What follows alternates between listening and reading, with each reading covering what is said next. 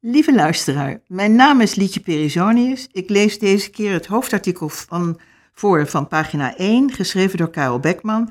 Het heet De WHO wil mensenrechten en vrijheden schrappen. Het gaat om de tweede editie van de andere krant van dit jaar, die uitkomt op zaterdag 14 januari. De WHO wil, tussen aanhalingstekens, respect voor de waardigheid, mensenrechten en fundamentele vrijheden van personen als basisprincipe uit de internationale gezondheidsrichtlijnen schrappen en vervangen door billijkheid en inclusiviteit. Dat blijkt uit wijzigingsvoorstellen die deze week worden besproken binnen de WHO.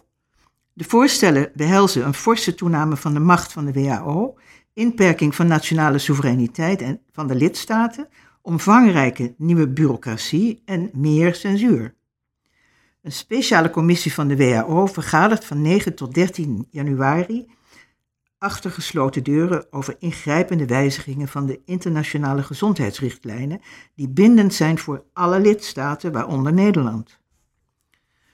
Over de voorstellen wordt waarschijnlijk gestemd op de World Health Assembly in mei. Vorig jaar leidden wijzigingen die door de VS waren voorgesteld tot veel ophef. De VS wilde het mogelijk maken voor de WHO om zonder instemming van de lidstaten een noodtoestand uit te roepen en ingrijpende beleidsmaatregelen op, op te leggen aan alle landen. Kamerlid Wiebren van Haga stelde hierover vragen aan de minister van Volksgezondheid, Welzijn en Sport, Ernst Kuipers. De voorstellen werden tijdens de World Health Assembly in mei 22 afgewezen door de Afrikaanse landen. De WHO zegt er toen toe dat de werkgroep die zich met de wijzigingen bezighield, de WGHIR, met nieuwe voorstellen zou komen die pas bij de World Health Assembly in mei 24 in stemming zouden worden gebracht. In oktober 22 echter zette de WHO een nieuwe commissie op, de IHR Review Committee, en deze vergadert deze week al over de wijzigingsvoorstellen die nu toch al dit jaar in stemming kunnen komen. De voorstellen zijn vastgelegd in een moeilijk te vinden document van 46 pagina's op de website van de WHO. Een van de opvallendste betreft artikel 3. Daarin staat, nu nog, dat de internationale gezondheidsrichtlijnen zullen worden uitgevoerd met volledig respect voor de waardigheid, mensenrechten en fundamentele vrijheden van personen. De WHO wil deze principes echter letterlijk schrappen. Zo blijkt uit het document. In plaats daarvan zal, zal artikel 3 luiden dat de internationale gezondheidsrichtlijnen moeten worden gebaseerd op de principes van billijkheid, inclusiviteit en samenhang. De Amerikaanse onderzoeksjournalist James Roguski, die de voorstellen als eerste aan het licht bracht en campagne voert in de VS om de WHO te verlaten, is niet verbaasd over het voornemen van de WHO om, zaak aanhalingstekens, mensenrechten en vrijheden te schrappen uit de richtlijnen. De WHO, zegt hij, is er al lang niet meer voor de gezondheid van mensen. Ze zijn volledig in de greep van de farmaceutische industrie, die de richtlijnen gebruikt om een totalitaire dictatuur te creëren, een digitale gevangenis met gezondheidscertificaten en continu bewaking. Kathleen Austin Fitz, voormalig investeringsbankier op Wall Street en oprichter van het nieuwe mediaplatform Solari Report, valt hem bij. Via de internationale gezondheidsrichtlijnen wordt een staatsgreep gepleegd. In Nederland is in navolging van de Verenigde Staten ook een campagne gestart. Stopwho.nl. Dan vervolgt het op pagina 14. De titel daar heet James Roguski, dus aanhalingstekens, de WHO is er voor de farmaceutische industrie. Hij vervolgt met, tussen aanhalingstekens, de WHO is uit op een wereldwijde machtsgreep. Ze proberen wijzigingen door te voeren in de internationale gezondheidsrichtlijnen, die ertoe zullen leiden dat zij de macht krijgen om over de gezondheid van de hele wereldbevolking te beschikken. Onderzoeksjournalist James Roguski heeft van het volgen van de WHO zijn specialiteit gemaakt.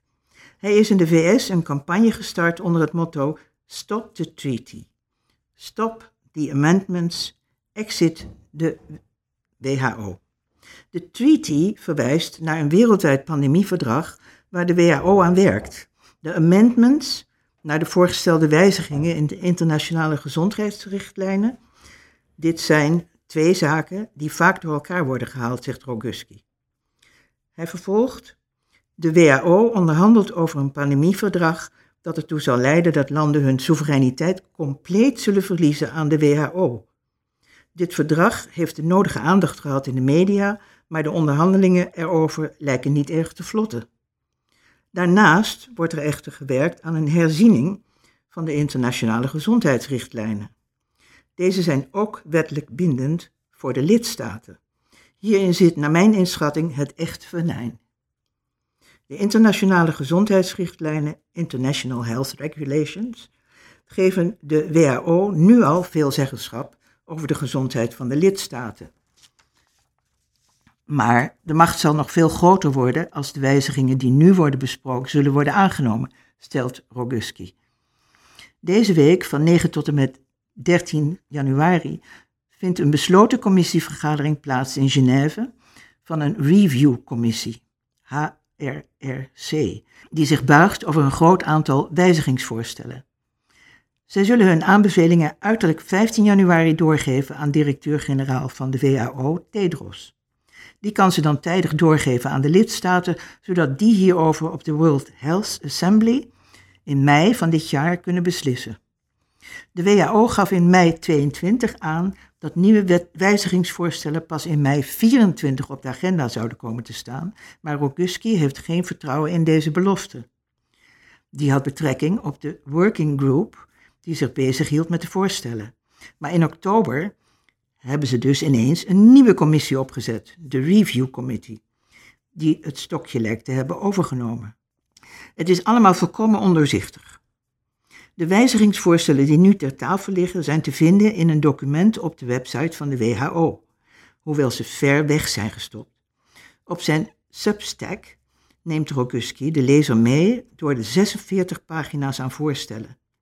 De meest in het oog springende wijziging is die van artikel 3, waarin wordt voorgesteld principes als waardigheid, mensenrechten en fundamentele vrijheden van personen te vervangen door billijkheid en inclusiviteit. Het is natuurlijk niet zeker dat dit erdoor komt, maar dat het wordt voorgesteld zegt heel veel over de WHO, stelt Roguski. Ze zijn er, aanhalingstekens openen, ze zijn er al lang niet meer voor de mensen, maar voor hun sponsors, aanhalingstekens sluiten. De WHO spreekt graag van gezondheidszorg voor iedereen, maar Roguski wijst erop dat de gezondheidszorg heel beperkt wordt gedefinieerd in de richtlijnen. Aanhalingstekens openen.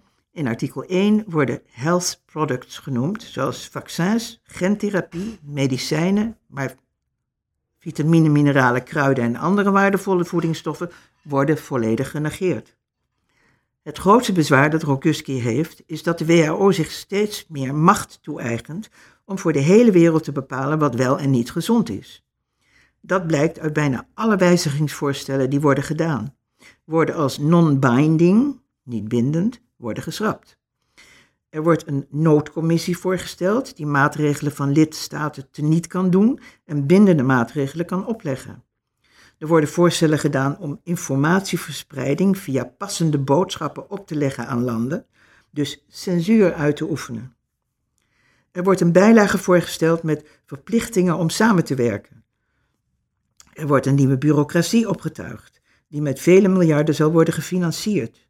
Roguski wijst erop dat dit pandemieverdrag waarover wordt onderhandeld voorziet in een structuur die gebaseerd is op de internationale klimaatconferenties. Er komt een bestuursorgaan dat bestaat uit een Conference of the Parties, een COP, die ook al sinds jaar en dag bestaat in de klimaatbureaucratie. Partijen als Bill en Melinda Gates Foundation en de vaccinfabrikanten, die nu ook al de WHO mede financieren, zouden hierbij mogen aanschuiven. Het pandemieverdrag voorziet verder in versnelde goedkeuringstrajecten voor vaccins en medicijnen meer simulatieoefeningen van pandemieën en meer aandacht voor gain-of-function onderzoek, waarbij virussen in het lab worden gemanipuleerd. Bij het ter perse gaan van deze krant had de WHO nog niet gereageerd op vragen. Het ministerie van VWS stelt in een reactie: De IHR vormt de kern van het internationale instrumentarium om mondiale gezondheidscrisis te voorkomen en te bestrijden. De COVID-pandemie toonde aan dat het huidige instrumentarium onvoldoende is om wereldwijd te komen tot een afdoende en eerlijke aanpak.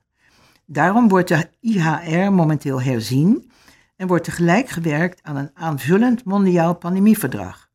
Uiteindelijk zal het aan elke lidstaat zelf zijn om te besluiten of deze zich aan de gewijzigde regeling en het nieuwe verdrag wil binden.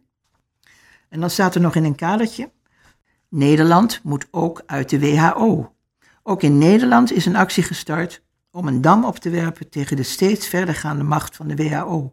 Op de nieuwe website stopwho.nl is uitgebreide informatie te vinden over de voorgestelde wijzigingen in de pandemiewet en de internationale gezondheidsrichtlijnen. StopWHO.nl biedt ook voorbeeldbrieven die mensen kunnen sturen naar hun politieke afgevaardigden om aandacht te vragen voor deze kwestie. Rest mij nog om dit te zeggen. Dankjewel voor het luisteren. Als je geabonneerd bent op de papieren krant, heb je tegenwoordig ook toegang tot de digitale editie. Door je te abonneren krijg je de krant nu voortaan, althans dat is de bedoeling, en het bevestigde voornemen van de bezorging, steeds wel op zaterdag de krant in de bus. Is dit niet het geval, laat het ons weten. Bovendien steun je met een abonnement het voortbestaan van de krant. Nogmaals, dank voor het luisteren.